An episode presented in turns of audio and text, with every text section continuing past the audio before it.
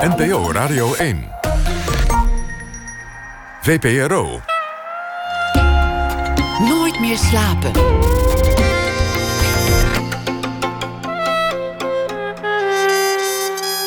Met Nicole Terborg.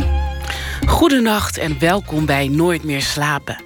Stella Maris is een voormalig klooster in het Brabants dorp Welberg... waar tijdelijk Oost-Europese migrantenwerkers wonen. Na ene spreken we de fotografen Gijsje van der Linden en Mirjam Donkers... die er bewoners en hun leefruimte hebben vastgelegd. En na half twee komt Pieter Hulst langs. Samen met Jonica Smeets presenteert hij komende zondag... de jaarlijkse Nationale Wetenschapsquiz. En uh, tegenover mij zit nu Rieks Zwarte. Ja, wat doe je als je niet weet of je acteur, poppenspeler, ontwerper of regisseur wilt worden? Dan word je het allemaal. Net als Riek Zwarte. Als geestelijk vader van het speelgoedtheater... waarin hij deze verschillende disciplines wist te combineren... maakte hij naam met toneelstukken als... en musicals als Ja, zuster, nee, zuster... en De persik van onsterfelijkheid. Maar het begon allemaal met Potters Beesten waarmee Riek Zwarte samen met Ferdi Jansen, Servaas Nelissen, Hans Tissen de verhalen van Beatrix Potters in een geheel nieuw jasje stak. En uh, ja, nu, 25 jaar later, staan de mannen met hetzelfde stuk op het toneel. Welkom Rieks, wat fijn dat je er bent. Ja. Ik heb het gezien. Ik heb het gezien. En wat mij dus opviel gelijk... Ik ben naar de voorstelling gegaan, Potters Beesten... in de toneelschool, uh, toneelschuur, sorry, in Haarlem. En jij stond er al op het, uh, op het speelvlak. Ja. Hoe de men, je kijkt hoe de mensen binnenkomen. En toen de voorstelling voorbij was, stond je er ook nog. Ja. Dat doen niet alle spelers. Nee. Waarom jij wel? Uh, nou ja, je, je, je deelt iets met elkaar. En dan vind ik het heel leuk als ik weet wie er zitten. En uh, ja, ik vind het ook gewoon leuk, gezellig, uh, weet ik veel. dus ik begroet de mensen ook graag. En dan, ja, en aan de hand blijf ik daar ook. Dat, ja. Anders is het zoiets met een gordijn ertussen, daar hou ik niet zo van. Hebben die nabijheid nodig? Nou, het heeft ook te maken met het soort, soort van theater wat we maken... waarin je niks camoufleert. Dus het is gewoon een spel wat je met elkaar speelt. En uh, ja, als je doet alsof, alsof, alsof sommige dingen er niet bij horen... dan is dat raar. Dus uh, ja, je, je, moet toch weten met wie je dat spel speelt. Hm. Maar dat doe je, dat doe je natuurlijk in Haarlem. Dat is jouw, jouw basis, hè? Ja. Ook de plek ontworpen door jouw broer, broer Joost. Joost, ja. ja. Heeft het ook daarmee te maken of sta je in elk theater zo op het podium? Nee, elk theater. Elk theater. Het, het, heeft te maken met de stijl uh, die we hanteren. Waar, waarin, uh, ja, waarin nou ja, wat ik zeg, dat je niks camoufleert. Dus uh, je ziet alles hoe we het doen. En eigenlijk gaat die hele voorstelling er ook over. Hoe vier mannen proberen om, om vijf schattige verhaaltjes van Beatrix Potter op het toneel te krijgen. En er zijn allerlei technieken voor. En al die vijf verhaaltjes worden ook op een andere manier gedaan. En nou ja, en soms lukt dat en soms lukt het gewoon helemaal niet. Maar dat geeft niet. Dat is interessant. Maar uh, het is ook heel goed om te zien hoe je een, hoe je een kat uh, tot leven kan krijgen, bijvoorbeeld. Ja, wat doe je echt, hè? Uh, mensen hebben natuurlijk niet allemaal de voorstelling gezien. Het is speelgoedtheater. En dat betekent dat je niet alleen maar de acteurs nee. gebruikt... maar ook alle objecten, yes. bewegend decor, van alles eigenlijk. Ja. En normaal gesproken, heel vaak is het zo dat je poppenspelers niet ziet. Maar jullie ja. staan vol ornaat daar ja. op het podium. Ja. Uh, jullie gaan ook met elkaar in concurrentie. Ja, Hè? nou, we de... hebben er ook een truc voor verzonnen. Uh, mag je niet verder vertellen. Oh, uh, we hadden als concept... want je, je moet als acteurs moet je een, een, een, een, een afspraak hebben... van hoe je tegenover je publiek staat. En om ongecamoufleerd, noem ik het dan even, te spelen... kun je bedenken dat Jim Henson van de Muppets... dat die ons opdracht had gegeven om te kijken of wij wat zouden kunnen met die verhaaltjes van Beatrix Potter. En eigenlijk zit je te kijken naar een openbare repetitie. Nou, dit weet niemand van in, in de zaal. en, uh... Als ik nu terug ga, vind ik het niet gek. Nee, maar dan, dan zie je dus dat we ontzettend ons best doen om het zo goed mogelijk te doen. Alleen soms dan lukt het niet. Dat tweede stuk bijvoorbeeld. Dat hebben we helemaal niet ingestudeerd. Dat doen we het gewoon ter plekke, hebben dat, hebben dat gedaan. We zitten achter een tafel die teksten te lezen. En zo'n beetje die teksten te doen. Ja, dan halen we er maar een pop bij. En we doen iets met een pop in een kist. En dan moet het dat, maar wezen. Zoiets dus. Zo, zo zit dat dan weer in elkaar. Terwijl het eerste stuk, dat is helemaal... Uh, nou, dat is echt een soort Anton Pieck kerstverhaal. Ja, vertel het even. Ja, dat is de kleermaker van Gloucester.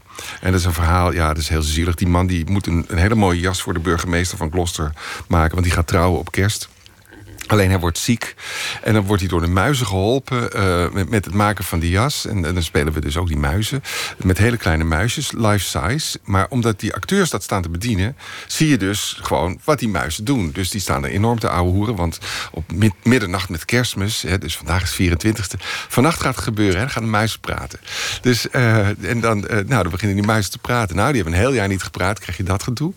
Maar er is ook nog een kat, Simkin. En Simkin is dus heel kwaad dat die kleermaker... Uh, uh, uh, dat hij zijn muizen heeft gejat. Dat is per ongeluk gebeurd. Die zaten onder een kopje of zoiets. In ieder geval, dan verbergt hij het garen... wat hij nodig heeft voor het laatste knoopsgat. En die muizen naaien dan die jassen af... want de kleermaker is ziek geworden... God, wat een lang verhaal. En, uh, maak het af, maak het af. nou ja, en dan... Uh, want ik zie het wel voor ja, me, hè? Want ja, ziet ja. echt die... Nou ja, die muizen die zijn dan een jas aan het naaien. Ja, nou. En die mannen die staan daar gewoon, met z'n drieën, ja. staan ze daar muizen te de wezen. muizen te wezen. En dat vind ik zo gek, die verbeelding die dan toch... Je weet, er staan gewoon drie mannen met muizen, zijn niet echt. En toch ga ik daarin mee. Wat is dat? Het heet verbeelding. Ja. maar ik zal je vertellen, met poppenspel, in tegenstelling tot acteurs... Uh, een acteur is, is zijn eigen object. Maar een acteur kan een heleboel dingen... Uh, en een pop kan maar een paar dingen heel goed of één ding heel goed. En uh, die beperking, uh, dan moet je in je hersens als publiek... moet je uh, een, een, een, transitie, heet dat dan, heel chic... een overgang maken van... oh, wacht even, dit moet ik nu als echt beschouwen. Waardoor je in je hersens dat levend gaat maken... Dus dat is een activiteit. Dus toeschouwen wordt een activiteit. En als je daarin meegaat, wordt het hartstikke leuk. Ga je er niet in mee, dan heb je echt een probleem. Ja, ik ging er dus in mee. Tuurlijk. Maar kijk je ook niet... Maar tuurlijk, zegt hij heel zelfverzekerd. Nee, nou ja, ik heb wel meegemaakt. Ik, ik, ga het maar meteen vertellen. Er was een, een familie die op tweede kerstdag, uh, 25 jaar geleden... hadden ze de twee rijen afgehuurd van de toneelschuur. En dat was zo leuk. En die ouders die hadden, die, die hadden allemaal dochters. En die hadden dus allemaal zwagers. En uh, nou, die, met, met de dochters en de kinderen en de zwagers... zaten ze dan helemaal zo pontificaal op die tweede rij... en het allemaal leuk te vinden. En, uh, maar die zwagers... Die, die gingen niet mee in de verbeelding. Die zaten zich stierlijk te vervelen en dachten van... was een majenever. En dat, dat was echt heel grappig. Want we zaten dus... We konden ze goed zien. En dat je echt dacht van... Hoe is het mogelijk? Maar er zijn dus mannen die dat niet kunnen. Die kunnen zich niet inleven in een pop. Of omdat ze het kinderachtig vinden. Nou, dan gaan ze er niet in mee. Ja, dat is dan heel stom. Dan heb je echt geen leuke avond of middag. En wat zijn dat voor mensen? Heb je daar een verklaring voor? Het zijn zwagers. Wat bedoel je daarmee? Wat bedoel je daarmee? Nee, ik weet het ook niet. Nee, ja, ja het zijn heel, ja, keurige, keurige dochters. maar uh, ja, en die, die mannen die gingen er niet in mee. Ik, het, het is iets heel wonderlijks. Ik heb ook heel vaak dat ik dan zeg van... Uh, kom nou kijken. Dan zeggen die mannen... Nou, uh, speelgoed, speelgoedvoorstellingen. Nou, dat is voor kinderen. Ja, je voorstellingen zijn van... Zeg je heel expliciet, hè? Van acht? Volwassenen vanaf acht jaar. En, uh, nou ja, en, dat is eigenlijk een soort formule die met deze voorstellingen is ontstaan. Die later dan in de familievoorstellingen bij het Roodtheater uh, uh, zijn voortgezet. Waar we, de formule die we hier hebben gevonden is eigenlijk eentje waarbij kinderen met hun ouders en opa's en oma's volwassen willen wezen. Dezelfde grappen van, oh ja, dat is leuk. En dat volwassenen gewoon weer, gewoon weer kind kunnen worden. En dus die, vanavond hadden we ook een aantal kinderen in de zaal. En je voelt meteen dat ineens uh, krijgt het een boost. En... Dus de, wil je de, die kinderen dan ook in de zaal hebben? Ja. Ja, wat doet dat met jou Maar niet alleen kinderen, want dan nee? wordt het, nee, want dan wordt het ook weer raar. Maar echt die combinatie van, van ouders en kinderen. Dus, dus rond kerst is dat ideaal. Wat is dan die, wat is dan die magie? Die, wat zijn die ingrediënten dan? Als je dat moet beschrijven. Uh, wat brengen de volwassenen? Nou, er moeten voldoende volwassene grappen in zitten. En, uh, en dat ze echt iets hebben. Ook een soort nostalgie naar die kindertijd. Dat ze, oh ja, het was zo leuk. Of, uh, oh ja. En, en dat die kinderen iets hebben van... dat ze groot willen groeien omdat ze samen iets beleven, weet je wel. Volwassenen en kinderen kunnen samen iets beleven... en ieder op zijn eigen niveau. En dat, uh, als dat lukt, is het heel goed. Ja. En, dat, en later, dus toen we die formule te pakken hadden... en uh, ik werd naar aanleiding van deze voorstelling gevraagd bij het Roodtheater... om uh, Wind in de Wilgen te gaan doen. Met, wat die nou... Deze In het voorstelling... hout, nou ja, we hebben, net, we hebben net de hele tijd in Bergijk gehoord. Eh, eh, eh, nou, wat is nou? Goed, doet er niet toe. In ieder geval, die speelde Ratje. En eh, daar hebben we die formule op het grote toneel toegepast. En dat, dat bleek succes te hebben. Dus deze voorstelling, toen kwam je erachter... Wat George jou... van Houts, hè. Dankjewel. God. Die een ook in de verleiders eh, zit. Hè? Eh, nee, Bergijk. Ja. Hoe... eh, Je snapt wat ik bedoel, Ja, toch? ja, ja. ja. Hij zat ook in de verleiders, bekende voorstelling. ja. ja, Ja, want, fantastisch. ja, want je hebt deze voorstelling 25 jaar geleden gespeeld. Enorm succes, lovende, rec- lovende recensies. Ja. Waarom besluit je dan van, ik ga het weer doen? Dat kan dan toch alleen maar slechter gaan? Nee, dat, eh, dat hoeft helemaal niet. Eh, nou, dat, eh, we hebben gewoon tegen elkaar gezegd... van als we oud zijn, gaan we het toch weer doen. Dat, die belofte hebben jullie. Ja, en eh, nou ja, de, gelegenheid deed zich voor. En eh, we zijn het gewoon opnieuw gaan doen. En, eh, en wat ik nu merk in... we hebben Co- Koos de voorzitter, als, als co-regisseur. Want, ik, ik sta op het toneel, dus ik kan niet zien wat ik doe. En dan merk je gewoon dat hij een aantal dingen... die er ingeslopen zijn van onhelderheden... dat hij die allemaal op scherp krijgt. En dat je dan denkt van, nou... Het zou best wel eens kunnen dat deze beter is. En eh, ik, ik heb ook een andere voorstelling gezien... die 25 jaar na dato werd gespeeld, van, van Carver. En eh, hotel, eh, nee, Café Lemitz. Na 25 jaar, daar zit een scène in met een koekje. En dat is zo'n briljante scène. Dat was ik echt niet vergeten. En ik was, maar ik was wel vergeten dat hij in die voorstelling zat. Ik ging naar die voorstelling kijken, dat koekje zat er weer in. En het was gewoon beter. Waarom? Ik weet niet. En wat kan je soort- zeggen over deze, 25 jaar later? Zit daar ook zo'n scène in? Eh, nee, want het is vrij nauwkeurig nagespeeld. Terwijl we er, we hebben er lang over nagedacht of we het niet, niet moesten opmodernen. Eh, Ja, maar dat denk je wel. Het is Ja. allemaal sneller geworden nu. ja, dat was het eerste wat we toen we de video terugzagen dachten van het is, eh, het is te langzaam. En de grap is dat, je, dat eigenlijk wat we nu doen eigenlijk het, precies hetzelfde tempo is. Want het is het tempo die dat moet hebben om, om het duidelijk te maken. Die kleermaker, dat moet in het begin heel langzaam gespeeld worden. Dat je echt denkt van, jee, wat een ouderwets toneel is dit. Totdat natuurlijk van alles gaat gebeuren met katten en muizen. En, eh, Ja, want dat zijn de verhalen van Beatrix Potter. Maar het is zo dat er een twist is. Er Yes. gebeurt elke keer Yes, weer yes, iets, eh, ja. Iets anders. Ja, het gaat, dat, nou ja, dat was eh 25 jaar geleden, dus een week voor de, voor de première. Toen eh, zei Frans Lommersen van de toneelschuur van... ja, ik vind het allemaal reuze leuk, maar waar gaat het over? Fijn, dank u. van, eh, ja, ja, vijf leuke stukjes, maar wat moeten we ermee?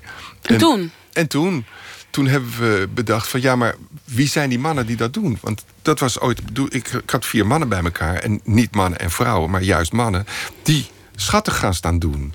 Wat natuurlijk heel grappig is. Nou, als je daar helemaal niet aan werkt, dan gebeurt er niks. Toen hebben we een hele dag hebben we gerepeteerd in de rol van onszelf. Maar dat overdreven. Dus dat je bewust werd wie je was. Nou, Verdi Jansen begon koek- koekjes uit te delen, limonade uit te delen en, en een sikkeneur te worden.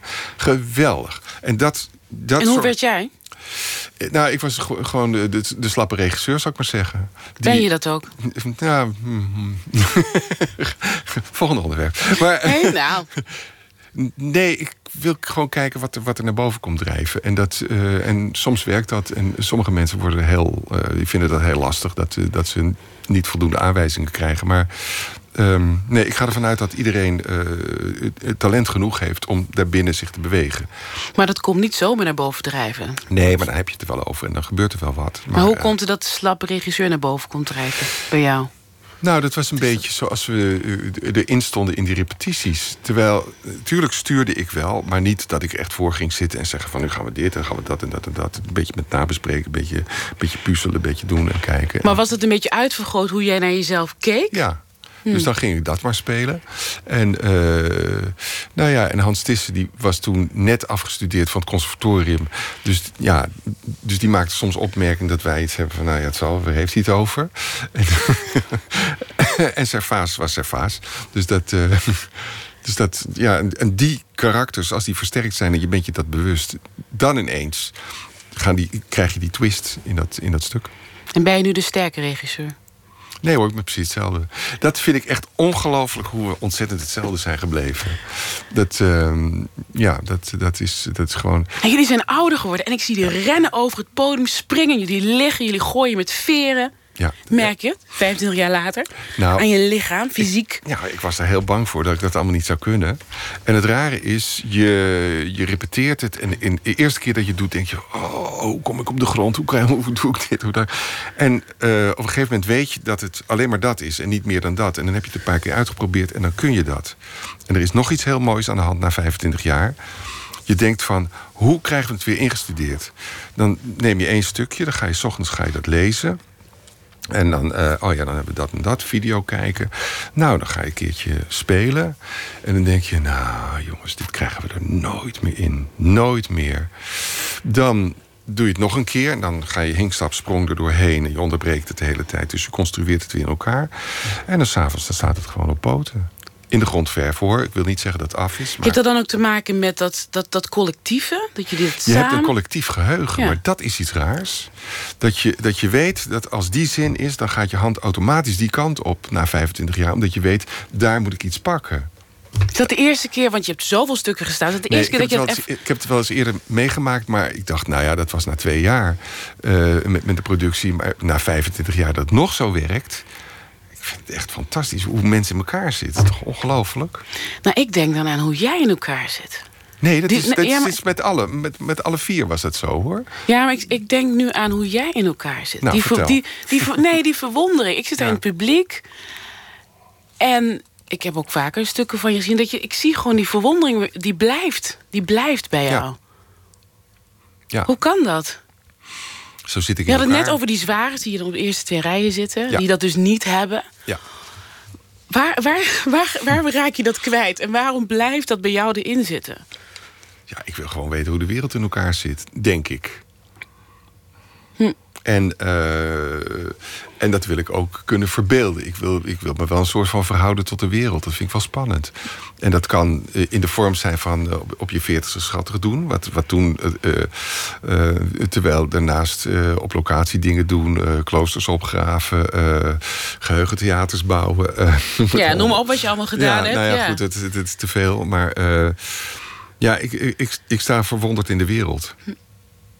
En dat ver- verwonderend. Ik vind het interessant om dingen te ontdekken. Eh, en dat, eh, ja, vorig jaar toen, toen was er een straatfeest. En toen ben ik maar eens de, de geschiedenis van mijn eigen straat gaan bestuderen. En heb daar een lezing over gehouden. Nou ja, er wordt binnenkort misschien wel een boek, kan mij het schelen.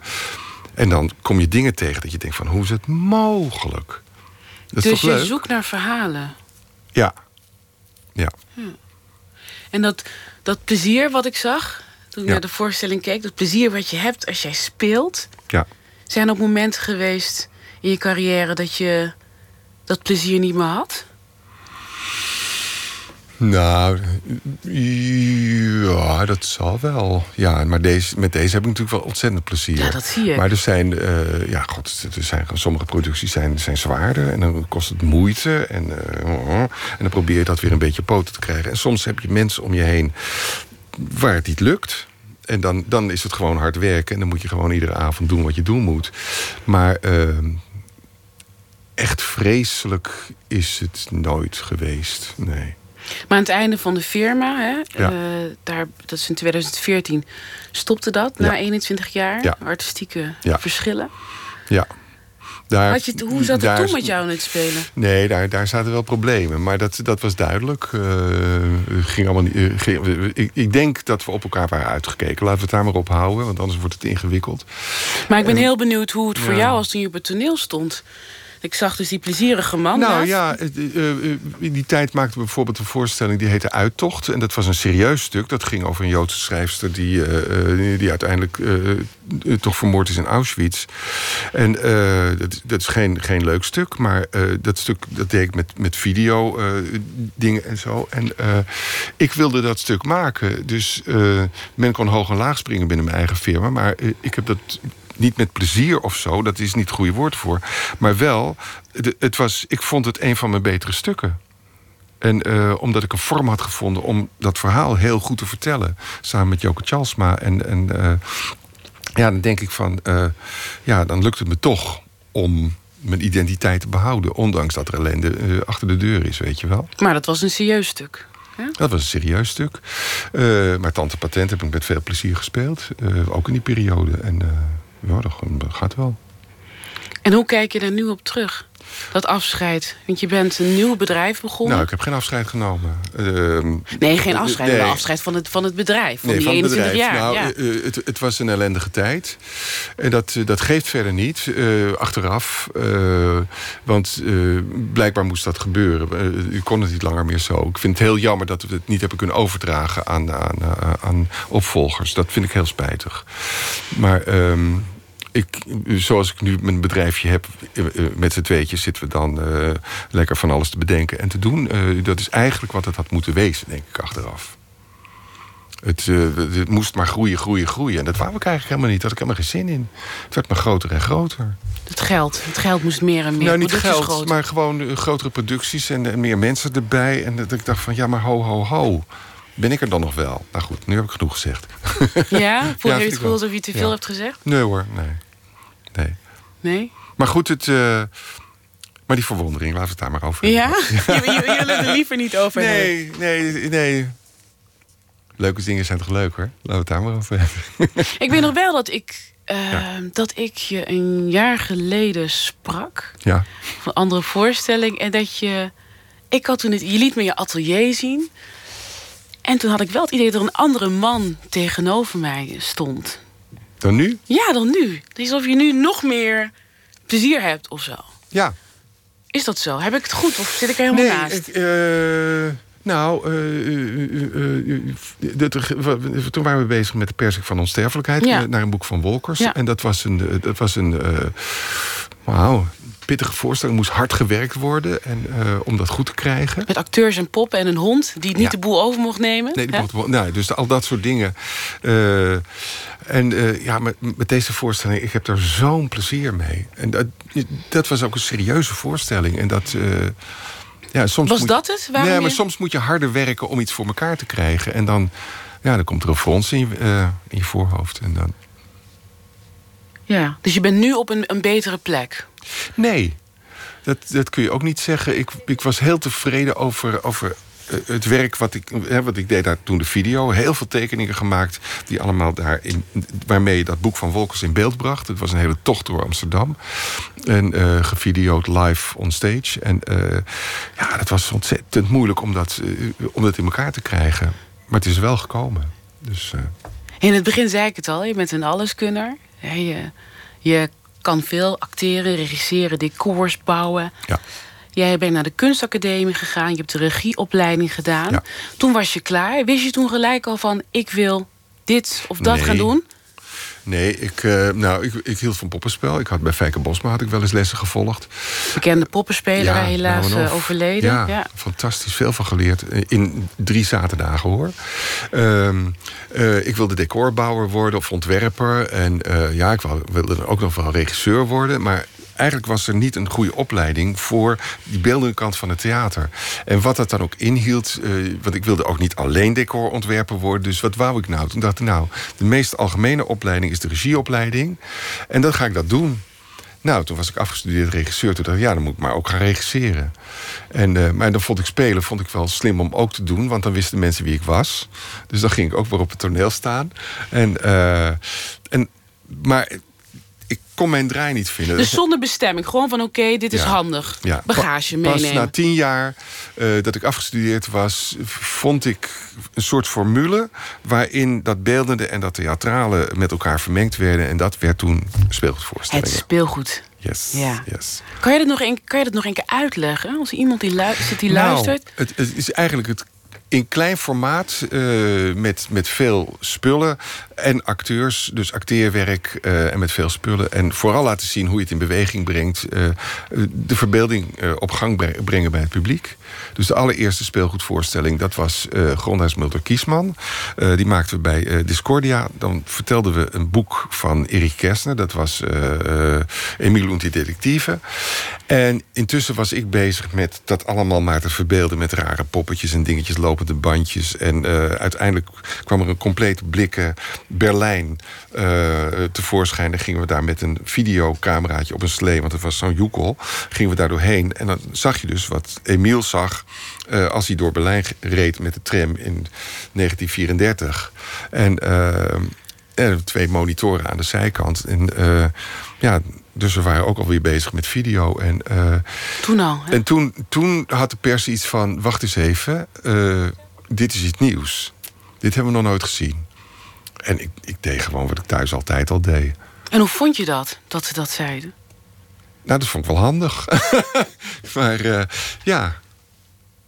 Kwam jij met dat woord? Of kwam de pers met dat Wat woord? met handig? Nee, speelgoedtheater. Nee, nee, had ik zelf verzonnen. Jezelf bedacht? Ja, ja, ja. ja. ja. ja. Maar de, ja, het werd opgemerkt. En, uh, en toen kreeg je ook opdrachten binnen dat beeldende enzovoort. Dus toen kwam ik ook terecht bij in, in het Shaffi Theater... omdat Felix Meritis 200 jaar bestond um, als genootschap en als gebouw om daar een voorstelling te maken over de wetenschap ten tijde van de verlichting. Nou ja, en zo is het verder gegaan met het tapijt en noem het allemaal maar op. Maar, maar je hebt de pensioengerechtigde leeftijd. Ja. Ja. Ga je, ga je op een gegeven moment stoppen? Of nee. nee. Totdat Nee. je niet meer kan lopen. Gewoon. Nee, dat weet ik. Ja, ik weet het niet. Ik, ik, ik, nee, ik heb er geen zin in om te stoppen. Maar of, of ik nu weer een voorstelling ga maken, eh, daar op subsidie ga aanvragen, of bij anderen. eh, ik, ik ben ook heel erg met Lisbeth Koolhof in de weer. eh, en, en, en met Tijlers, hè, ook in Haarlem? Tijlers, ja. Nou ja, Wat ga je daar doen? Want we zijn ja, bijna nee, aan dat is eigenlijk een, eigenlijk een opvolger van het project wat ik net vertelde over Felix Meritis. Eh, Felix Meritis was een, was een genootschap eh, voor wetenschap en kunst in Amsterdam. En eh, tijdens de verlichting. En eh, vlak daarna, of vlak daarvoor, nee, vlak daarna eh, werd het tijdersgenootschap opgezet. Ook de verlichting, grootste elektriseermachine van die tijd. En, en 100 jaar geleden. Dankjewel, Riek Zwarte. Zijn we er doorheen? We zijn er doorheen. Oh, jammer nou. Potters Beesten is te zien nu in het theater tot op 19 februari. En straks zijn we terug met Nooit meer slapen na het nieuws. Oh.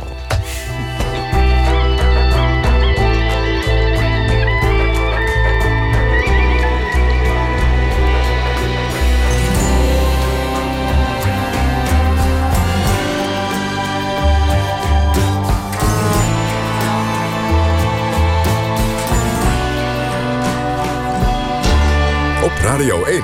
Het nieuws van alle kanten.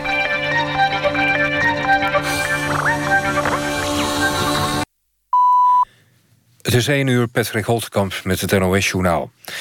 De Nederlandse journalist Okke Ornstein is in Panama vrijgelaten. Ambassadeur Dirk Jansen twitterde rond middernacht een foto... waarop te zien is dat Ornstein de gevangenis verlaat. Ornsteins vrijlating werd verwacht. Dinsdag verleende president Varela hem gratie omdat niemand tegen dat besluit beroep aantekende... kon hij nu worden vrijgelaten. De journalist werd vorige maand in Panama opgepakt... en had een gevangenisstraf van ruim drie jaar moeten uitzitten. Hij was veroordeeld voor laster en smaad. Ornstein heeft een weblog waarop hij schrijft... over corruptie en fraude in het Latijns-Amerikaanse land. De VN-veiligheidsraad heeft een resolutie aangenomen... waarin staat dat Israël moet stoppen met het bouwen van nederzettingen in Palestijns gebied. De resolutie haalde het doordat de Verenigde Staten zich onthielden van stemming. Dat is een koerswijziging. In het verleden beschermde Amerika Israël altijd.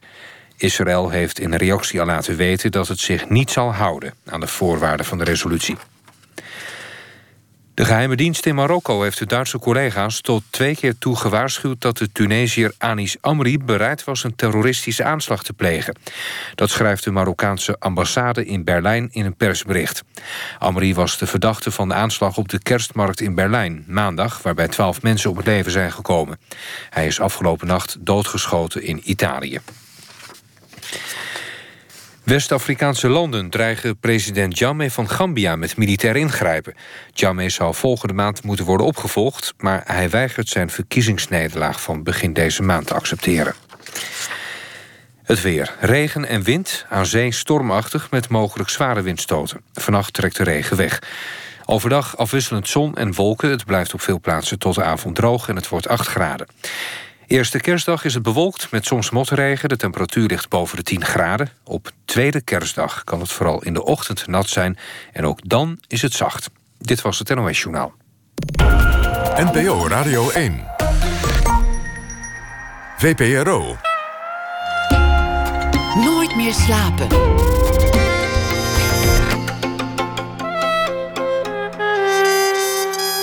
Met Nicole Terborg.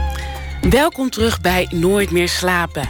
Het Brabantse dorp Welberg telde ongeveer 1100 inwoners. Tot er in 2011 400 Oost-Europese gastarbeiders in een oud klooster werden gevestigd. Straks spreken we met fotografen Gijsje van der Linden en Mirjam Donkers... die de Oost-Europese arbeiders met hun camera hebben gevolgd. En Pieter Hulst komt dit uur langs. Samen met Jonica Smeet presenteert hij komende zondag... de Nationale Wetenschapsquiz. Maar we beginnen met een schrijver of dichter die reageert, reageert op iets wat vandaag is gebeurd. En uh, deze week doen we dat, voor de laatste keer, met Gerard van Emmerik. Hij, uh, hij is bekend van de romans De Kippenjongen en De Nieuwe Krats. Goedenacht, Gerard. Hallo, Nicole. Hallo. Ja, je hebt het gedaan, hè? Vier nachten. Ik ben Ja. heel benieuwd eh, wat jou vandaag is opgevallen. Ik heb enorme wallen inmiddels. Oh ja? En eh, wat is me vandaag opgevallen? Eh, nou, ik las in verschillende kranten dat patiënten in het Radboud ziekenhuis in Nijmegen... dat die geen hand meer krijgen van hun chirurg. En in plaats daarvan gaat dan de hand zwaaiend de lucht in van de chirurg... of er wordt geknipoogd naar de patiënten, maar een hand krijgen ze niet meer. En wat dacht je toen je dat las? Vond ik zielig, maar ik begreep het wel. Want eh, ja, dan is er minder kans op bacterieoverdracht en zo. In ieder geval eh, leverde het me een, eh, een verhaal op. Ja, ik ben heel benieuwd. Maar eerst nog even, ben je zelf wel eens geopereerd? Nou ja, ongeveer 100 jaar geleden. Volgens Ja? mij. Ik kan het me bijna niet meer herinneren. Nou, aan de blinde darm. Dus dat weet je niet meer, heel lang geleden. Allemaal Nee, ik weet het nog wel. Ik weet dat ik... De enige periode was dat ik geen nagels beet. Ik vond het eigenlijk heel relaxed in het ziekenhuis. Gewoon lekker rustig liggen.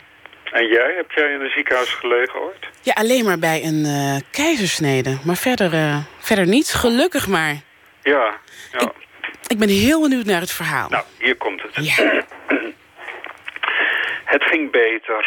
Hij slikte nog maar twee pijnstillers per dag. En van de operatie zag je alleen nog wat rode lijntjes rondom zijn navel. Beter, veel beter.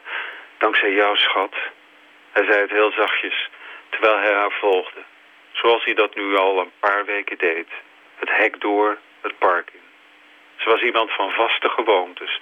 Elke middag om half vijf hetzelfde rondje. Eerst de vijver, dan de speeltuin, daarna het gedeelte met de struiken. En vandaag werd het dus tijd voor meer. Een gesprek, een echt gesprek.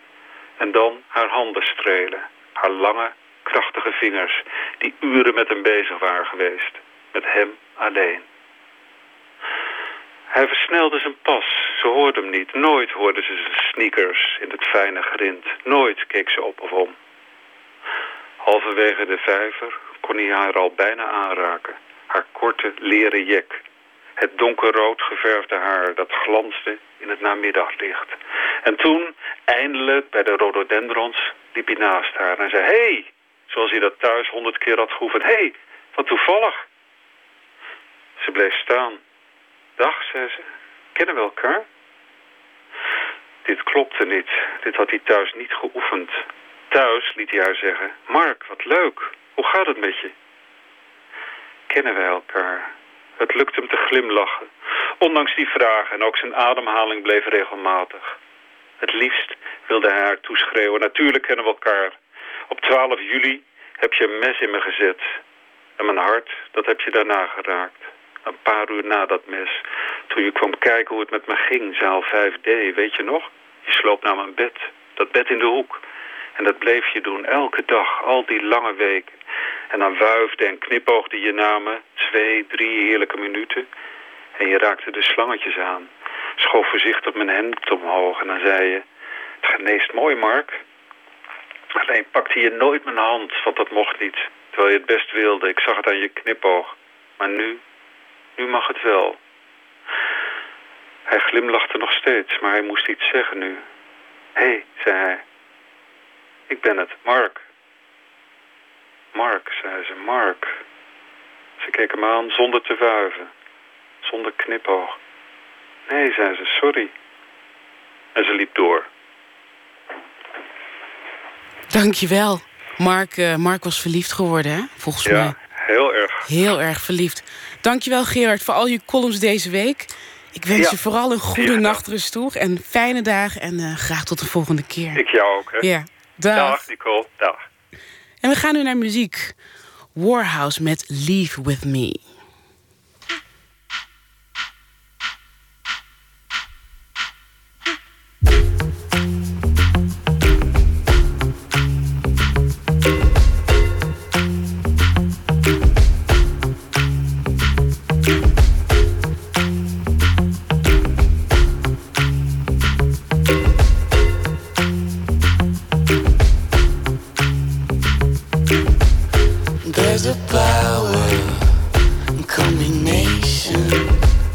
just like fever and celebration. I will hate it if I'm losing. I will love you if I'm choosing. Oh.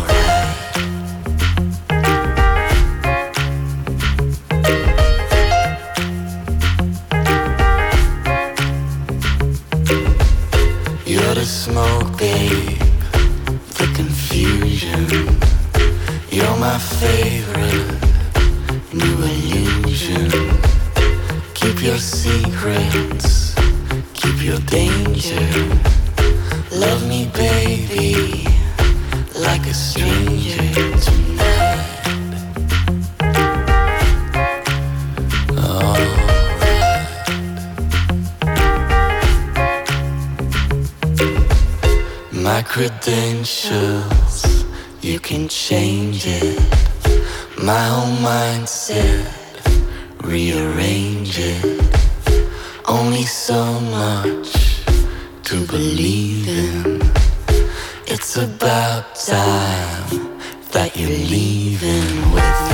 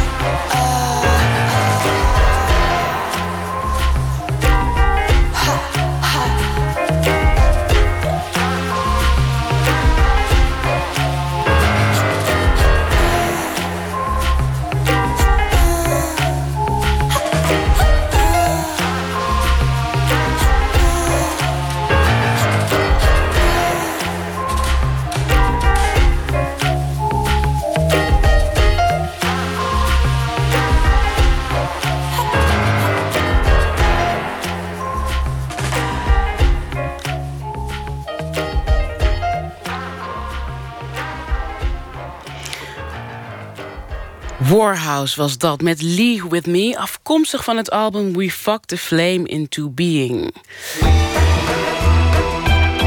Nooit meer slapen. De Volkskrant noemde het een van de mooiste fotoboeken van het jaar. Stella Maris van fotografen Mirjam Donkers en Gijsje van der Linden.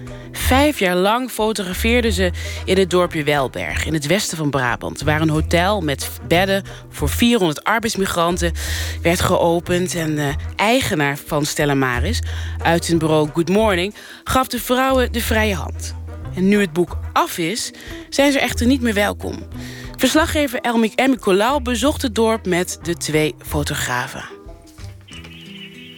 Klein dorp, klein dorp. Er wonen ongeveer um, 1100. 1100 inwoners naast de Oost-Europese gastarbeiders die hier nu wonen.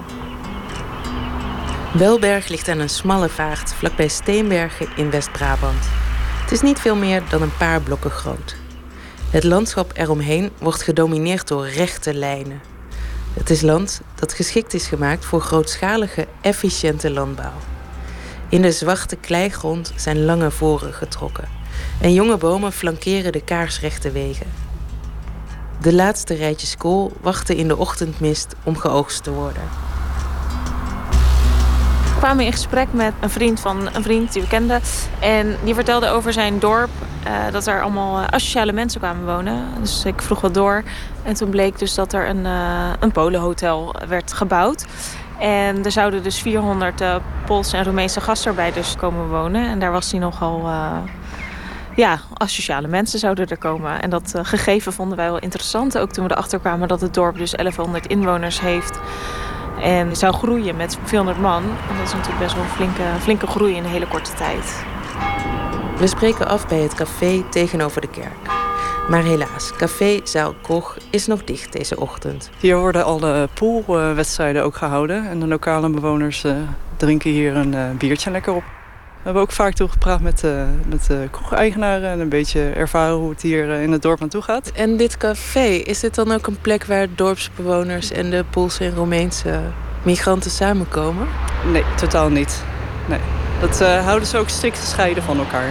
Of in ieder geval, wij hebben toen in het begin dus gesproken met de vorige eigenaren. En die wilden dat ook pertinent niet hebben... omdat ze bang waren dat dan hun vaste conditie uh, terug zou lopen. Dus de café, er is nu een nieuwe eigenaar... maar de vorige eigenaar wilde niet dat hier nee. Poolse mensen kwamen? Nee, klopt. Ja.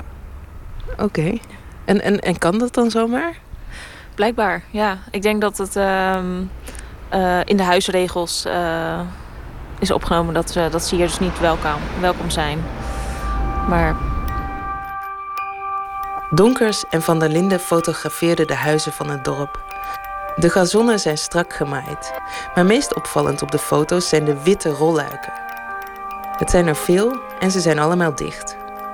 De dorpelingen schitteren door afwezigheid op de foto's. Overdag is gewoon, ja, de meeste mensen zijn natuurlijk ook naar hun werk en dan gaat het gewoon dicht. En dan, uh, dan uh, slaapt het dorp. Ja. Uh, toen we hier kwamen vaak, we hebben ook in de omgeving gefotografeerd en gekeken. En toen was het ook wel vrij moeilijk om contact te maken met uh, de bewoners. Of het was gewoon stil en was weinig activiteit. Wij hebben vrij uh, vaak rondgereden waarbij we niemand zagen. Dus het is een rustig dorp. Hoi, mag ik u wat vragen? Uh, eigenlijk niet, maar heel, duurt heel lang of niet? Nee, heel nee, kort. Heel kort.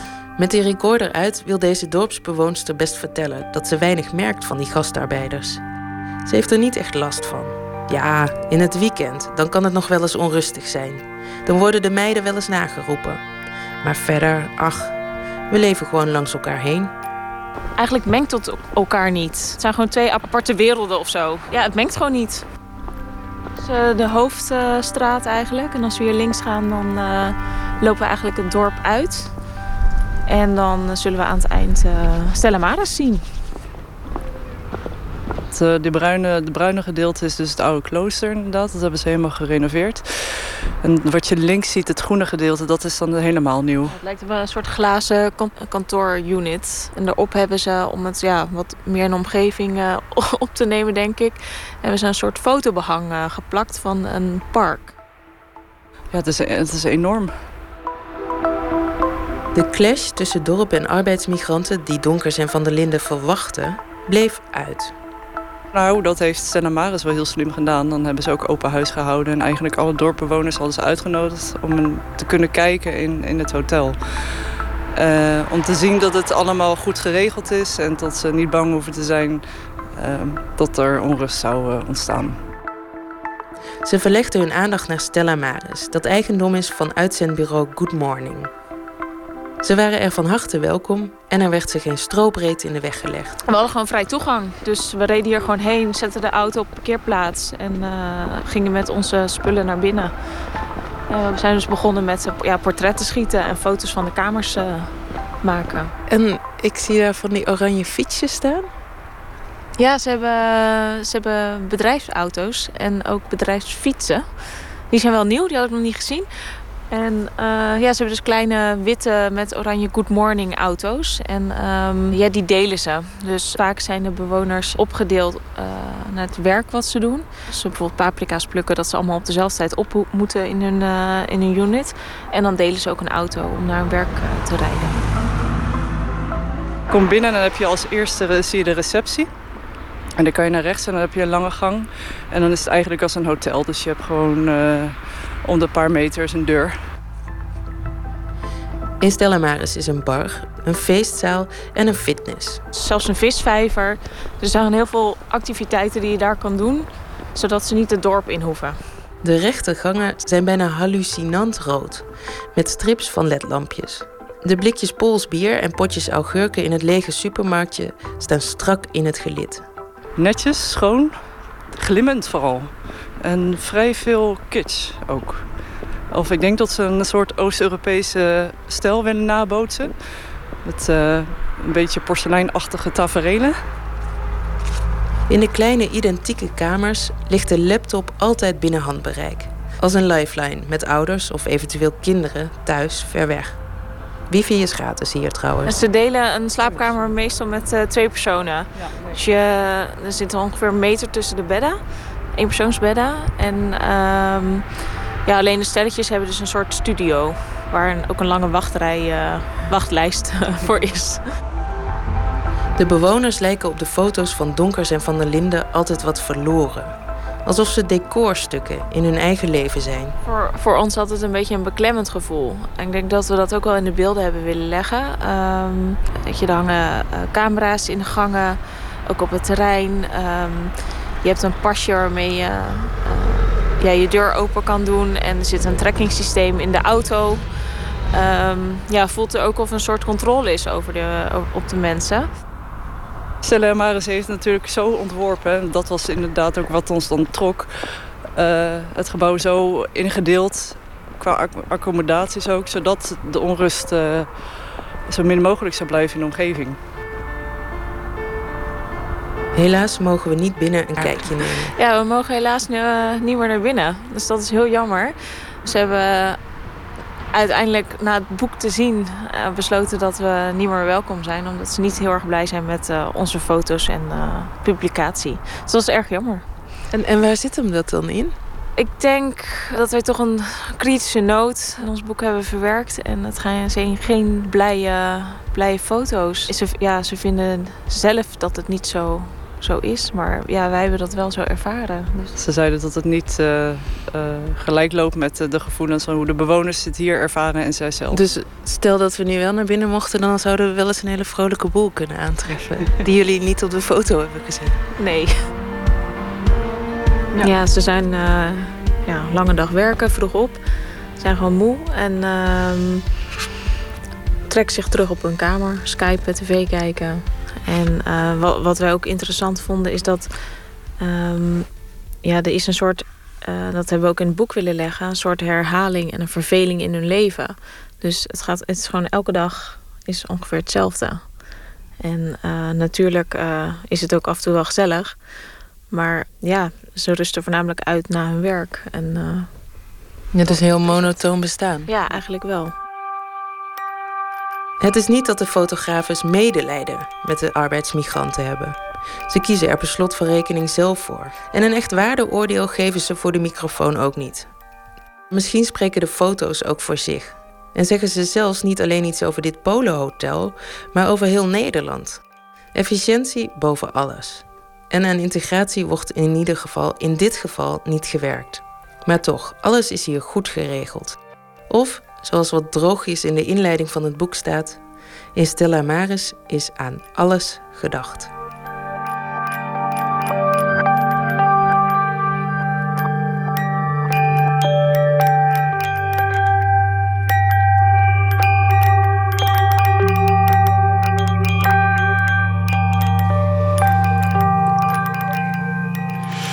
Ja, dat was uh, Emmy Colau in het dorpje Welberg. En ze sprak met Gijsje van der Linden en Mirjam Donkers... over een fotoboek Stella Maris. Ja, en het is natuurlijk bijna kerst. Dan kunnen we het niet laten om nog wat leuke kerstplaten te draaien... zoals het uit 1971 afkomstige Christmas Present Blues van Jimmy Reed.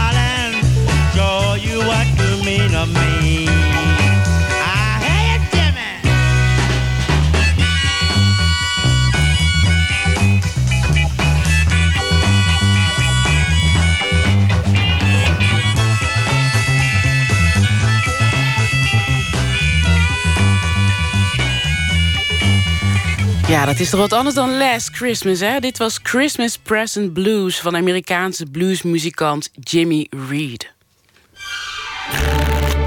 Open kaart.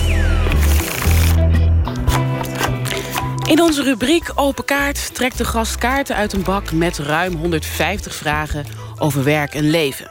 En deze keer doen we dat met presentator en programmamaker Pieter Hulst. Op uh, eerste kerstdag is traditiegetrouw de Nationale Wetenschapsquiz te zien op NPO 2.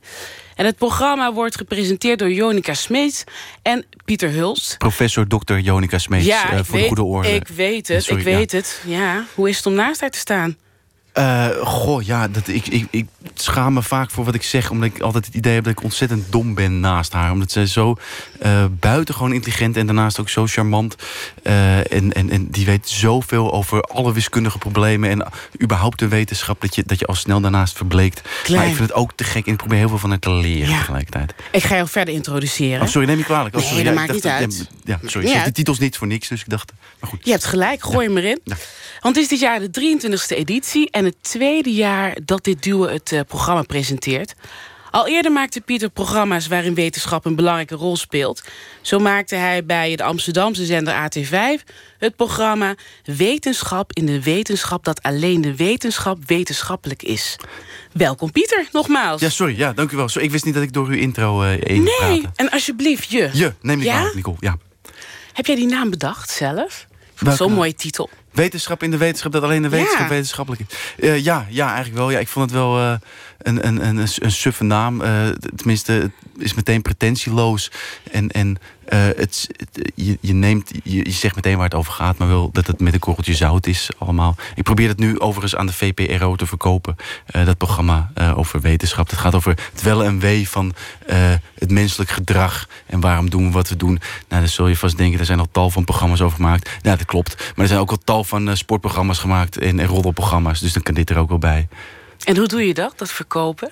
God, dat is, dat, ik ben daar al vier jaar mee bezig geweest. En we zitten nu echt in het laatste stadium. Maar ik weet niet of ik dit mag zeggen ook. Maar eh, ik ben zo blij daarom. Maar goed, we, we praten over de wetenschapsquiz natuurlijk. Dus, dus, Ja, ja, eh, maar nog eh, even, nog even. Want je zegt de laatste fase. Waar moet ik dan denken? Is er al ja gezegd? Eh, nou ja, god, dat is. eh, ik, ik weet niet of je dat weet. En ik weet niet of je daar op te wachten zit als je nu s'avonds in je auto zit. Maar dat eh, een programma er doorheen krijgen bij de NPO. Dat is een, is een gepijp van heb ik jou daar. Man, want je hebt zoveel instanties waar je doorheen moet komen. Eerst moet je genoeg naam hebben om überhaupt bij de VPRO te, te komen. En dan, moet je, dan moeten die dat goed vinden. En dan gaat, wordt daar vergaderd. En dan moet een pilot gemaakt worden. En dan moet ook nog dat bij de netmanager doorheen komen. En dus eigenlijk iedereen moet, moet goedkeuring hebben. Dus dat is nogal wat. Het is een wonder dat er zoveel programma's zijn als je erover nadenkt. Zijn er momenten geweest in het proces dat je dacht van... weet je wat, zoek het uit. Laat maar zitten. Eh, ja hoor, ja, ja, ja. ehm, ja, genoeg. Maar eh, Wanneer dan? nou ja, als je dan kijkt naar andere programma's waarvan je denkt, eh, ranking the stars. Ja, daar baal ik ervan. Hoezo mag dat wel worden uit, uitgezonden? Terwijl de, de publieke omroepen zijn we het allemaal over eens. heeft ook een rol eh, om, om, om eh, de kijker eh, te bedienen die op de andere zenders niet wordt bediend. En ik heb het idee dat. Weet je wat ik ook zo gek vond? Dat, dat de wetenschapsquiz junior bijvoorbeeld. die is vorig jaar is die, de nek omgedraaid.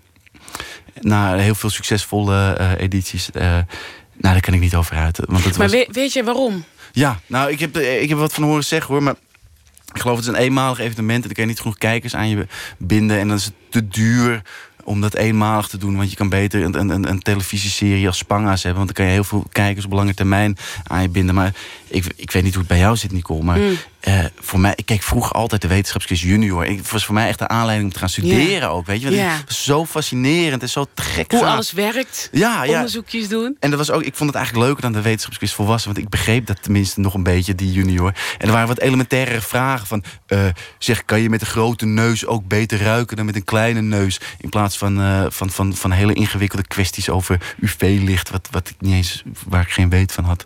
Dus, ik- Maar jij keek dat dus, hè? Ja, tuurlijk. Ja, Ja? eh, eh, ja, was traditie was dat. Ja. Ja. Bij jou niet En wat dan? vond je daar zo leuk aan?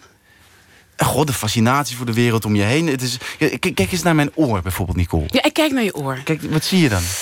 Ik zie een oorschelp, natuurlijk. Eh, Ik zie volgens mij ook een oor waar het heel moeilijk in is... om oren, oordopjes in te doen. Dat, dat, dat, zie ik. Ja, dat is de Urkerziekte. Dan zit je aan je... Maar goed. Maar uh, nee, die, die, die, oorschelp, dat is eigenlijk een heel raar ding, toch? Dat, uh, eigenlijk wel, ja. Met, met ja. die plooien, die mm -hmm. rare kronkels erin.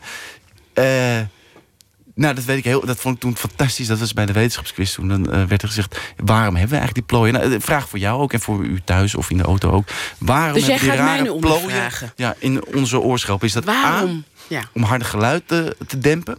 Is dat B om te kijken of een geluidsbron van rechts of links komt? Of is dat C om te kijken of een geluidsbron van boven of beneden komt? Of van hoog of laag? Ik denk A, om te dempen. Harde geluiden dempen. Ja. Waarom denk je dat?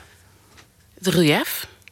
Verschil, denk ik, maar zit ik ernaast? Zit ik goed? Uh, nou ja, ik, ik vind het. En nu je, ben dat ik heel bang. Oh jee, nee, oh jee, oh niet. Nee hoor, maar dat is toch ook de vrijheid te associëren. Dat is heel belangrijk. Uh, Nee, Dan moet je wel het antwoord Het is geven. helaas verkeerd. Nee, Oh, die, plooien is, is omdat je, dat, zodat je eh, eh, kan kijken of je een geluidsbron van hoog of laag komt. Oh. We hebben twee oren en daarmee kunnen we kijken of een geluidsbron van links of rechts komt. Want het geluid eh, wat van links komt, komt net wat eerder in je linkeroor dan in je rechteroor. Dus da- en daarom hebben sprinkhanen ook bijvoorbeeld hun oren op hun poten. Want daar zit de meeste ruimte tussen links en rechts. En Goed, ik zie ook gelijk, je vertelt, en terwijl je vertelt, gaan je arm helemaal op en neer. Je zit er helemaal in. Ja. Je Eh, hart ja, wordt er warm van, lijkt het, van ja, goh, ja, nou, ach, ja, maar dat is toch vet. je. Ja. En bovendien, als je morgen niks op kerst te vertellen hebt... dan kun je het daar weer over hebben, weet je. Maar, ik vind, toch- maar die plooi, het is zo raar eigenlijk. Ik behaalde ook van mezelf dat ik er nooit bij stil had gestaan... van waarom zijn je oren eigenlijk zo raar gevormd? Nou, om maar een voorbeeld te geven. Waarom? Maar de wetenschap is heel breed, hè? Als je Hm. nou teruggaat naar toen je een klein jongetje was... waar lagen de meeste vragen voor jou? Ehm, nou, ligt eraan hoe klein. Ik, vanaf de middelbare school was vooral de vraag... eh, hoe kan je leuke meisjes versieren? Ja? Ehm, en eh, ik baalde ook dat ik pas daarna psychologie heb ges- gestudeerd. En niet tijdens. Eh, ik vind ook, als, als je erover nadenkt, dan. dan, dan kijk, bij die, die psychologie, en je kan er van alles over zeggen. En dat, het, sommige mensen noemen het een pseudowetenschap. Nou, eh, daar kan ik inkomen ook. Maar, eh, Waarom kan je erin komen? nou goed, omdat als je, als je, ik weet niet of je dat mee hebt gekregen, maar dat de helft van de sociale eh, psychologische eh, experimenten niet goed repliceerbaar is. Eh, nou, dat is, dat denk is wel iedere reden om je op je achterhoofd te krabben. Maar in ieder geval, de studie psychologie die, die, die, die kan er wel voor zorgen dat je net wat gemakkelijker door het leven kan huppelen. En net wat eerder een leuk meisje om je vingers kan winden of een leuke jongen. En, en, en kijk. Ja, ben jij heel- bent psychologie gaan studeren. Mhm.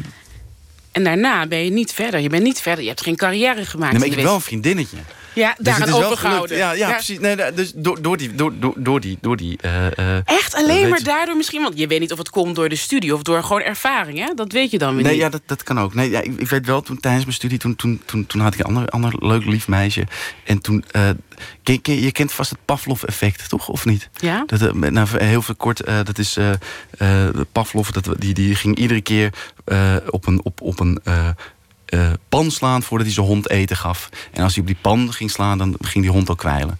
Eh, dus dat is het, Pav- dus je wordt geconditioneerd. Heet dat dan. Nou, toen weet ik nog wel dat er iedere keer voordat ik met mijn vriendinnetje ging zoenen, toen ging ik even aan de oorlel zitten. En toen Dat later, deed je echt, ja, en Pieter, toen dat later, deed je als ik aan de oorlel zat, toen werd ze inderdaad een klein beetje nou, opgewonden. En dat vond ik vet, jongen. Dat Echt tof. waar? Ja, maar dat is toch fantastisch? Hey, maar nog, e- maar nog even, nog even. ja, sorry, ik, stom e- verhaal, wat nee, helemaal geen stom verhaal. Die Nationale Wetenschapsquiz, hè? Ja. Vorig jaar heb je dat voor het eerst gepresenteerd. Mhm. Wist je toen al gelijk van, ik ga het dit jaar weer doen? Nee, man. Nee, ik vond het een enorme eer om dat, eh, dat, dat, dat weer te mogen doen. Eh, ik vraag me soms ook af wat, wat, wat ik doe. Het is, ik vind het echt, het is echt een instituut. En je hebt zo, het is het langslopende wetenschapsprogramma van Nederland. 23 jaar, hè? 23, ja. Ja. En, en er zijn zoveel kijkers die daar echt ook een traditie van hebben gemaakt. Die ook ieder jaar kwaad zijn omdat, omdat er te weinig beta is. Of juist te veel beta. Of, of omdat sommige dingen niet helder genoeg zijn uitgelegd. Ja, want Eh, dit jaar is het veranderd. Hè? Er zijn niet beetje. meer twee teams, hè? een beroepsgroep tegen de, tegenover de wetenschappers, Mhm. maar het zijn drie duo's met erin een wetenschapper en iemand een beetje uit de kunsten. Hoe. Ja. zit dat? Ja, een, een, een dwars, denk ik. Iemand die de boel op sleeptouw kan nemen. Want eh, het probleem van wetenschappers is dat ze vaak buitengewoon genuanceerd kunnen zijn. Juist omdat ze, je kan niet zomaar zeggen... eh, weet je, eh, iedereen die linkshandig is, heeft een IQ van eh vijf punten laag. Dat kan je niet zomaar zeggen. En, en daardoor heb je soms wat vaart nodig in het programma. En dat is wel fijn, vind ik, aan, aan zo'n teamcaptain. We hebben, er zit bijvoorbeeld Frederik Spichter in. Ik weet niet of die kent, is een muzikante. Ken ik zeker. Ja, en ook, en ook een biologieachtergrond, hè? Ja, zeker. Goed, Ja. goed. Met Hartstikke leuke vrouw. Ja. Ehm, maar die, die, die, die, die kan zich ook nog op, oprecht nog lekker verwonderen en kwaad worden als, als dingen niet goed zijn. Er was bijvoorbeeld een vraag. ehm, eh, stel je hebt je per ongeluk in je vinger gesneden. Hoe kan je dan best de pijn verminderen? Is Ja. dat A door hardop Let It Be te zingen? Of is dat B door met een eh, omgekeerde verrekijker naar je vinger te kijken? Nou, dat is een vette vraag. En, en ik weet zeker dat als zij zich nu in haar vinger snijdt... dat ze dan het juiste antwoord wat je morgen kan zien... eh, bij de Nationale Wetenschapsquiz gaat gebruiken. En dat vond ik leuk om te zien. En we gaan naar de open kaarten, maar voordat we daar naartoe gaan, denk ik toch, ja, we hebben het over de wetenschap en dan denk ik ook aan de laatste jaren. Noem een eh, Diederik Stapel of andere Mhm. wetenschappers die van een voetstuk gevallen zijn. Ja. Hoe, wat, wat denk jij ervan? Was het gebeurd het vroeger misschien al en zagen we het niet? Of is er een soort prestatiedrang? Ja, ik denk beide. Ja, het, is, het is- was altijd nog een, een, een wens om heel rijk te worden... en om dan een, een, een, een wetenschappelijk blad op te richten... voor eh, wetenschappelijke experimenten zonder resultaat. Eh, en dat was denkt- waarschijnlijk niet gele- Maar puur om die, om die, om die publicatiedruk een beetje te, te verlichten. Eh, en er is nu een heel mooi, mooi, mooi, mooi principe. Dat is een eh, wetenschappelijk blad eh, die voordat het onderzoek gedaan wordt... kijkt naar het onderzoeksvoorstel... en daardoor door bepaalt of ze gaan publiceren of niet. En daardoor hoef je dus niet altijd... Een, En welk blad is dat? ik, dat weet ik niet uit mijn hoofd. Ik las Nou, dat gaan- dat gaan we Maar het is mooi, toch? En, dat, Ja. en daardoor hoef je dus niet altijd een vet... dat, dat cafeïne en theïne zorgt voor hetzelfde effect als cocaïne. En dat moet met allemaal rare variabelen proberen er doorheen te drukken. Eh, dus... eh, maar het is super stom, man, van al die wetenschappers die de boel oplichten. Ja? Ehm, maar ergens... Nee, dat is onbegrijpelijk, vind ik. Maar goh, wie ben ik om daar wat over te zeggen? Eh, Maken doosjes open. Dan gaan Ja. we kijken. ja, want dit is dus die open kaart. Hoeveel vragen zitten hierin, in deze doos? Ruim, ruim 150. En wat voor vragen zijn dat dan? Pak er maar één. Oké. Moet ik het hardop voorlezen? Zeker, ja. Nou, op dit kaartje staat... fantaseer je wel eens over je eigen begrafenis? Goh. Eh, jeetje. Nou, oh, dan moet ik... Ja? Jij niet? Ik, nee. Echt Nee, niet? Nee, echt niet. Nee. Welke muziek je zou willen en Nee. wie je hoopt, wat, wat er over je gezegd absoluut wordt? niet. Maar als Echt jij, niet? Echt niet. Maar als jij dus denkt aan je begrafenis... jij zegt je hebt er wel over gefantaseerd... Ja. wat zie je dan? Eh, nou, ik zit vooral te denken, welke muziek zou ik dan eigenlijk... Wat hoor eh, je dan? Wat hoor je dan? Nou, ik denk, oh, Foxy Foxtrot van Nico Haak, denk ik. Met je elastieke benen. Zoiets. Eh, dat, dat hoor ik dan. En ik, ja, god. En dat je. dat- weet, jeetje, ik hoop dat, dat, dat de mensen die ik lief heb dan zelf al dood zijn. Dat ze dan. Dat ze dan eh, niet verdrietig zijn of zo. Maar het is toch wel spannend om... Ik heb, eh, Midas Dekker zegt altijd... Ik, ik baal er altijd van dat ik het allerspannendst van het leven heb ik gemist. Dat is namelijk geboren worden. Dus dan Daar had je echt- bij willen zijn? ja, en Mm. dus ik wil echt met volle aandacht bij het ene spannendst van het leven zijn. En dat is sterven. En dat, dat, dat is, vind ik, ik heb, niemand heeft idee wat er gebeurt. En eh, ik ben Ben je, ben je geïntrigeerd? Vind je, het, vind je het iets interessants hebben, de dood? Ja, wie niet? Toch? Ik heb, nee, ik heb dat zelf niet zo, nee. Nee? Nee, Jij denkt nou, hoezo niet? Je nee bent ik, toch- heb, ik heb dat meer met het leven. Ja, maar, Ik ben niet bezig met de dood. Ja, maar wie Ali zegt moet B zeggen, wie leven zegt moet dood zeggen. Nee, toch? nee. Dat- Oké. Nee. Nou, goh, ik zou er maar eens over nadenken. Ja. Want, want je weet maar nooit doen. wat er allemaal gaat gebeuren. En dus, dan is het fijn dat ze niet, eh, weet ik veel, eh, Nickelback draaien op jouw begrafenis. Omdat je daar nooit goed hebt over nagedacht. Oh, je bedoelt de wensen rondom je begrafenis. Ja. Hè? Ja. Ja, ik vind eh, die, die, die, die dood die wordt zo weggestopt ook de- in, de huidige maatschappij. Dat is waar. Dat zegt, ik vind het wel interessant dat je zegt. Ik, ik, ik, ik denk er helemaal niet over na. Maar vroeger was het, waren die begrafenissen in de stadscentrum. En er waren ook was het be- belangrijke eh, eh, markten waren dat eh, vlakbij die begrafenis. Want er gingen zoveel mensen dood. En het, het was altijd zo druk dat. Dat het ook meteen een mooi handelscentrum was. En daardoor werd er ook meer over gesproken. En was men wat minder bang voor. Nou, ik geloof Ik- dat ben- een hele gezonde gedachte is. Om, om, om daar wat opener over te praten. en Ik ben het er wel mee eens dat ik denk van dat rouw op een andere manier zou kunnen. Ja, toch? Dat je wat meer gewoon je kan laten gaan in plaats van... Hè, soms ben je op een afscheid en dan wil je gewoon applaudisseren. Ja. Hè? Maar dat Ja. kan dan niet. Nou, ik, ik was toevallig een tijdje geleden. Er werd een applaus gegaan. Dat was echt, echt eh, voor de overlijden. was, was fascinerend. Dat vond ik echt een, een van de bijzonderste dingen die ik heb meegemaakt. Maar goed. Volgende vraag, Ja, Pieter. sorry, neem ik kwalijk. Wel handig zo'n Mag ik deze sorry. meemaken met, eh, meenemen met, eh, met de kerstdiners of niet? Want als dan een gesprek dood, dood eh, valt. Dan Volgens mij valt er nooit een gesprek dood met jou. Nou, weet ik niet, maar het is wel handig, toch? Met, met, een saaie eh, achteroom of zo. Dat je dan denkt... Heb je die? Goh, eh, nee. Maar dat is wel handig dat je je kan vragen... Goh, bijvoorbeeld, wat ik hier eruit heb getrokken... wat beschouw je als succes? Nou, zullen we even een andere doen? Ik vind dat zo... Dan wordt het een weeën hap. Toch mag het Nee, maar waar- waarom? Waarom vind je dat zo'n vervelende vraag? Nou, wat beschouw je als succes? Eh, Heb je niets met succes? ja, goh. Ik, eh, nee, ja. Wat ik... ik de, de, de, dat- het enige wat rest is cliché antwoorden, toch? Ja, eh, gelukkig zijn, gezond zijn... eh, en gewoon lekkere latte macchiato's kunnen bestellen... Bij de, bij, bij, eh, op het Beukenplein bij mij om de hoek... als je 's ochtends wakker wordt. Maar dat, dat zijn geluksmomentjes. Ik heb het misschien ook over mijlpalen. Bijvoorbeeld in je carrière. Nou, ik vind het supercool dat die wetenschapsquiz... eh, dat ik dat heb mogen... als ik daar over tien jaar terug over, op kijk... als ik hovenier ben of zo... dan denk ik van... goh, wat cool.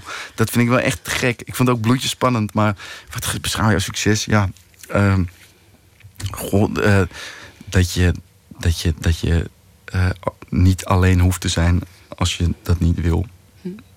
En niet, vooral niet eenzaam hoeft te zijn.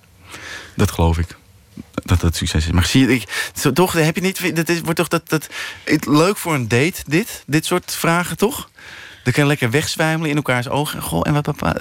Maar ik vind het wel, ja, je- misschien zit iemand te luisteren thuis of in de auto en denkt van... nou, ik wil weten wat Pieter ziet als dat zijn vraag me af. Dat vraag me af. Ja, ik heb, want vorige week was Tim Oliehoek, die zat hier. Die moest ook die Dat wil je doen. kwijt, hè? Dat zit je dwars. Nee, nee, nee, maar er waren zoveel vragen die dan interessant zijn. En dat werd gevraagd Filmmaker, waar die angst ja. voor was. Oh, sorry, dat is de eerste vraag. Ja. Ehm, van wie heb je het meest geleerd? Nou, dat zijn mijn ouders. Denk ik, dat, dat kan niet anders. Die zijn zo vaak bij me geweest. En jouw ouders zijn allebei eh, acteurs, hè? Ja, dat klopt. Jij bent die kant niet opgegaan. Nee. Nee. Eh, nee, nee, ja, ik, ik, goh, ik, ik, ik, ik zag mijn vader spelen. En, Ik eh, zal ze trouwens even noemen. Kees Hulst is dat, hè? Ja, en Lisbeth Koops. Ja. Oh, goh, wat ben je goed ingelezen. Goh, dat vind ik echt chapeau. Dat vind ik echt... ja. Eh, ja, die, die, die, die, dat, die, die, die, die, die. En ik, ik heb ze zien spelen en dat, vond ik zo goed dat ik dacht, dat kan ik niet even na. Dus ik kan beter op iets anders focussen. Die, dan, hebben dan zoveel commentaar op. Goh, denk om je tekstbehandeling, denk om de voor in de mond praten, dat soort dingen. En eh, daar hebben ze allemaal gelijk in. En ik dacht, die confrontatie ga ik uit de weg, dus ga ik wat anders doen. Namelijk eh, studeren. Maar ja, nou doe ik toch een beetje iets wat, wat er tegenaan scheur ik. Dus hebben ze nog, toch nog terecht commentaar dat ik meer voor in de mond moet praten. En moet letten op je accent. En- Maar van je ouders heb je dus het meest geleerd. ja, hè? dat denk ik wel. Ja, Ja. ja. ja, ja. Nou, wij zijn aan het einde gekomen. Goh, wat vond jij van het gesprek? Ik vond het mooi. Ik ben, weer, ben meer te weten gekomen eh, over jou. Ja, dat is het meer. Nou, dat, dat, Wat mooi om naar je te luisteren. heb, je er, maar heb je er wat van opgestoken überhaupt? Jawel, niet? jawel. Ja? Zeker wel. Dan ben ja. ik blij, weet je. Want, want ja, dat. Oké, goh. Eh, nou, dan, ik vond het ook leuk. Ik vind je erg sympathiek en wel ingelezen. Dankjewel, Pieter. Ja, en als u eh, hem weer wil horen of wil zien... dan eh, kunt u kijken aankomende zondag. Dan is het te zien op NPO 2 in de Nationale Wetenschapsquiz. Hè? Om eh, tien voor half Tien voor negen. half. Mocht u nou een leuk kerstdiner hebben en een goed gesprek, dan hoeft u niet te kijken, want dan moet u gewoon dat gesprek voorzetten. Maar mocht u eh, geïnteresseerd zijn in, in, in de wereld om u heen, kijk dan vooral. Dat zouden wij op prijs stellen. En we gaan nu naar muziek van Sharon Jones en de Dap Kings... met Ain't No Chimneys in the Project.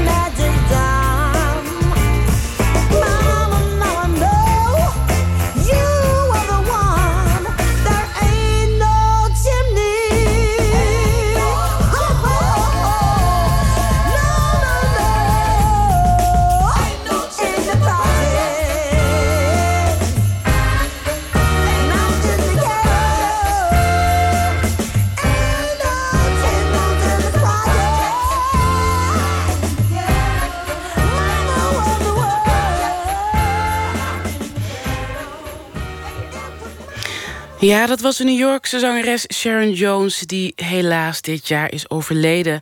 Met het kerstnummer There Ain't No Chimneys in the Projects. Nooit meer slapen.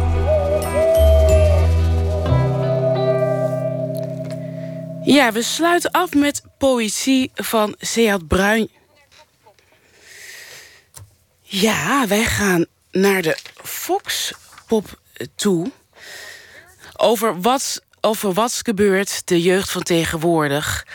Met uh, de Muppet-achtige poppen van de bandleden... beleven een uh, absurdistisch avontuur in een theatervoorstelling... die bol staat van de muziek. Verslaggever Luc Hezen was bij de première... en vroeg het publiek of ze de onverwachte combinatie geslaagd vonden. Ik hoop dat het uh, goed grof wordt. Ik hoop dat die hele vibe die de jeugd een beetje met zich meebrengt... dat die door de hele bioscoop heen zit. Doen ze het zelf? Is het opgenomen? En, nou, de pop heb ik wel gezien. Die zien er echt al fantastisch uit. Dus uh, hoge verwachtingen. Ik denk niet dat het kinderachtig is, maar ik denk dat het wel... Uh, misschien het kind in je kan aanspreken... terwijl het ook de volwassenen in je aanspreekt. En als ze dat kunnen doen, dan moet je gewoon gaan. We moeten naar een pom. Kunnen we naar een pom? Zo'n pom? Snoep. Er is snoep. Niet dit snoep, anders snoep. Skittles. Kapitein Iglo? Eerste stuurman Iglo. Kapitein Iglo is mijn broer.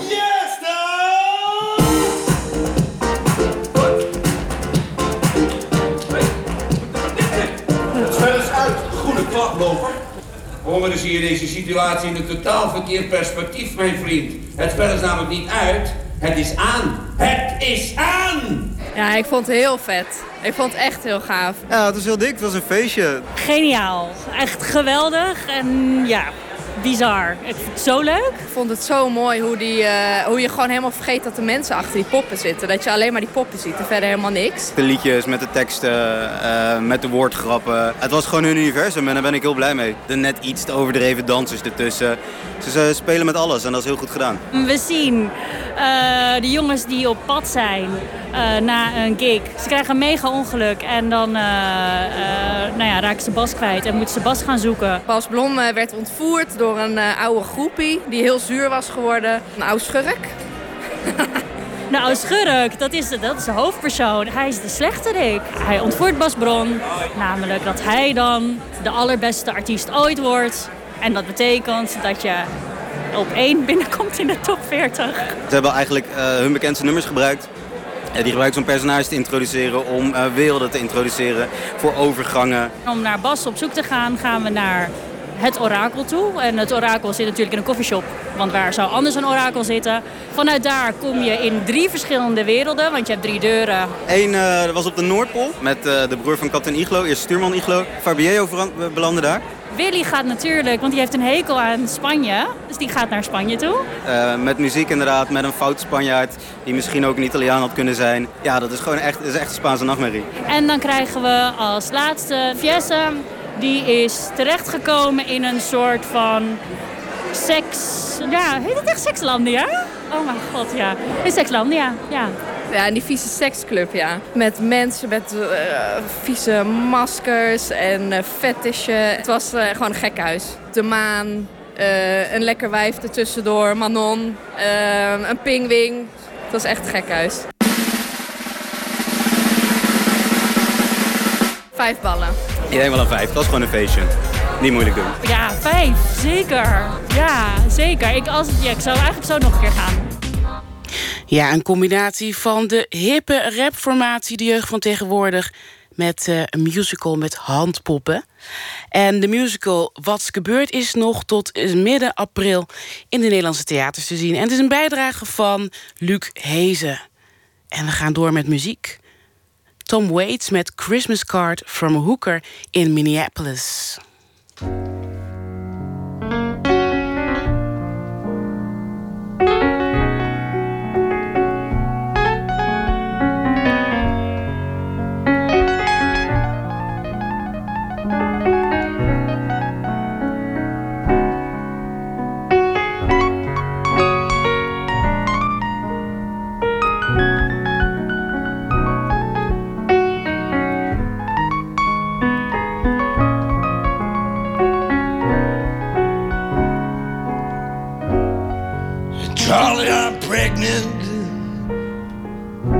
On 9th Street, right above a dirty bookstore off Euclid Avenue. I stopped taking dope, I quit drinking whiskey. My old man plays the trombone and works out at the track.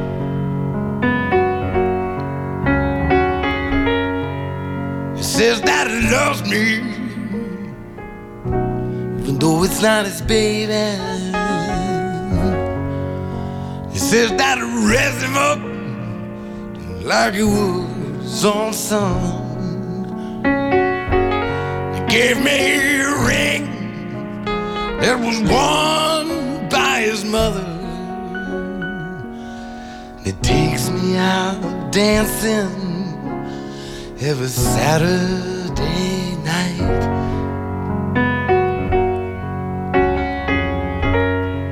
Hey, Charlie, I think about you every time I pass the filling station. On the counter, all the grease you used in your hair. I still that record, Little Anthony and the Imperials. Someone stole my record player. Oh, now how do you like that?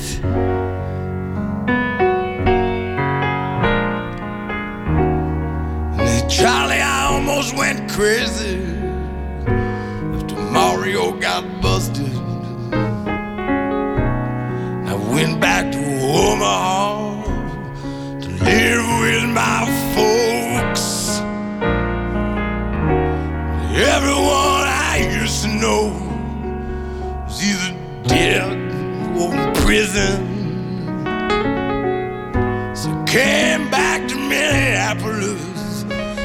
time I think I'm gonna stay. Charlie, I think I'm happy for the first time since my accident. I wish I had all the money we used to spend on dope. Buy me a used car lot, I wouldn't sell. I'd just drive a different car every day, depending on how I feel.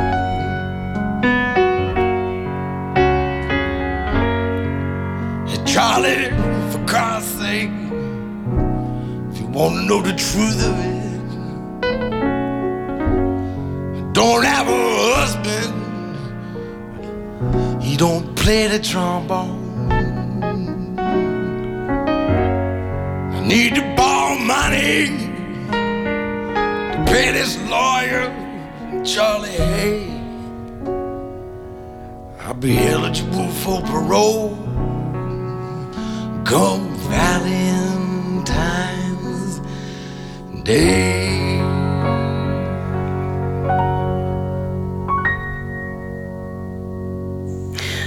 Tom Waits was dat met Christmas Card from a Hooker in Minneapolis. We sluiten af met poëzie van Seat Bruinja, de dichter die zowel in het Fries als in het Nederlands publiceert. Vier gedichten heeft hij deze week al voorgedragen en hij besluit de reeks met een titelloos gedicht.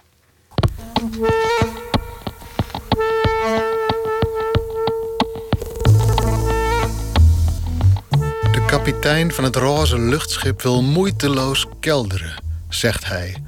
Om zijn lief en haar doodskist omhelzen, hoopt haar te treffen daar op de bodem van de oceaan tussen doorzichtige bedoelingen die lampionvissen als lichaam dragen.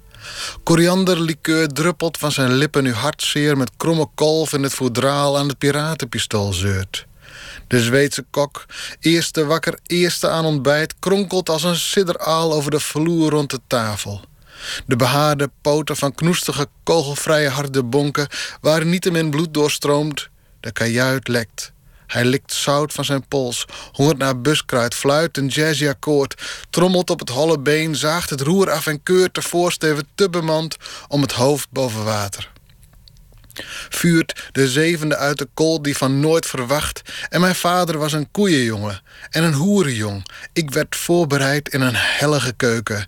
Daar zou niets goeds van komen. Nou ja, een dag op een veld met een picknickmand en een schilveren elfennacht die later als een kruik vol kriebels uniformjaren dienstbaar verlichtte. Een handtast onnodig achtte. Mondhoek optroek.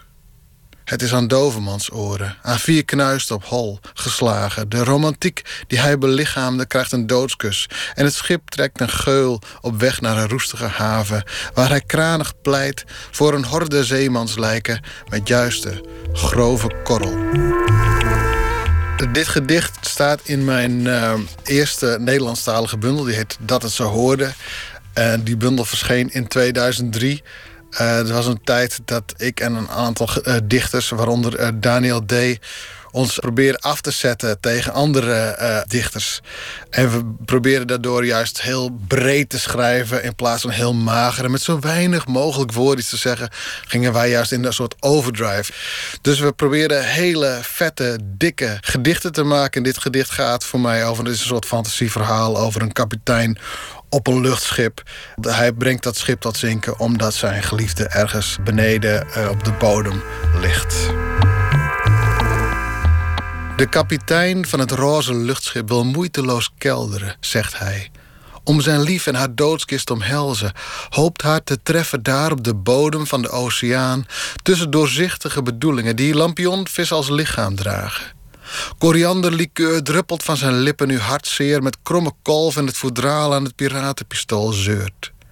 De Zweedse kok, eerste wakker, eerst aan ontbijt... kronkelt als een sidderaal over de vloer rond de tafel...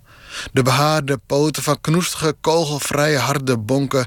waar in bloed doorstroomt, de kajuit lekt. Hij likt zout van zijn pols, hongert naar buskruid, fluit een jazzy-akkoord, trommelt op het holle been, zaagt het roer af en keurt de voorsteven te bemand om het hoofd boven water. Vuurt de zevende uit de kolt, die van nooit verwacht, en mijn vader was een koeienjongen en een hoerenjong. Ik werd voorbereid in een hellige keuken. Daar zou niets goeds van komen. Nou ja, een dag op een veld met een picknickmand... en een schilferige elfennacht die later als een kruik vol kriebels... uniformjaren dienstbaar verlichtte. Een handtast onnodig achtte. Mondhoeken optrok. Het is aan Dovermans oren. Aan vier knuist op hol geslagen. De romantiek die hij belichaamde krijgt een doodskus en het schip trekt een geul op weg naar een roestige haven waar hij kranig pleit voor een horde zeemanslijken met juiste, grove korrel. En met dit titelloos gedicht van Chit Bruinja eindigt deze aflevering van Nooit meer slapen. En volgende week is ja de laatste week van het jaar. Hè?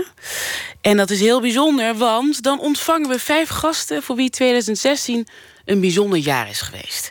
We spreken dan in het eerste uur met Wim Pijbus, Laura Jansen, Ivo van Hoven en Kim van Koten. En we beginnen maandag met muzikant Douwe Bob, die ons dit jaar vertegenwoordigde op het Eurovisie Songfestival in Zweden.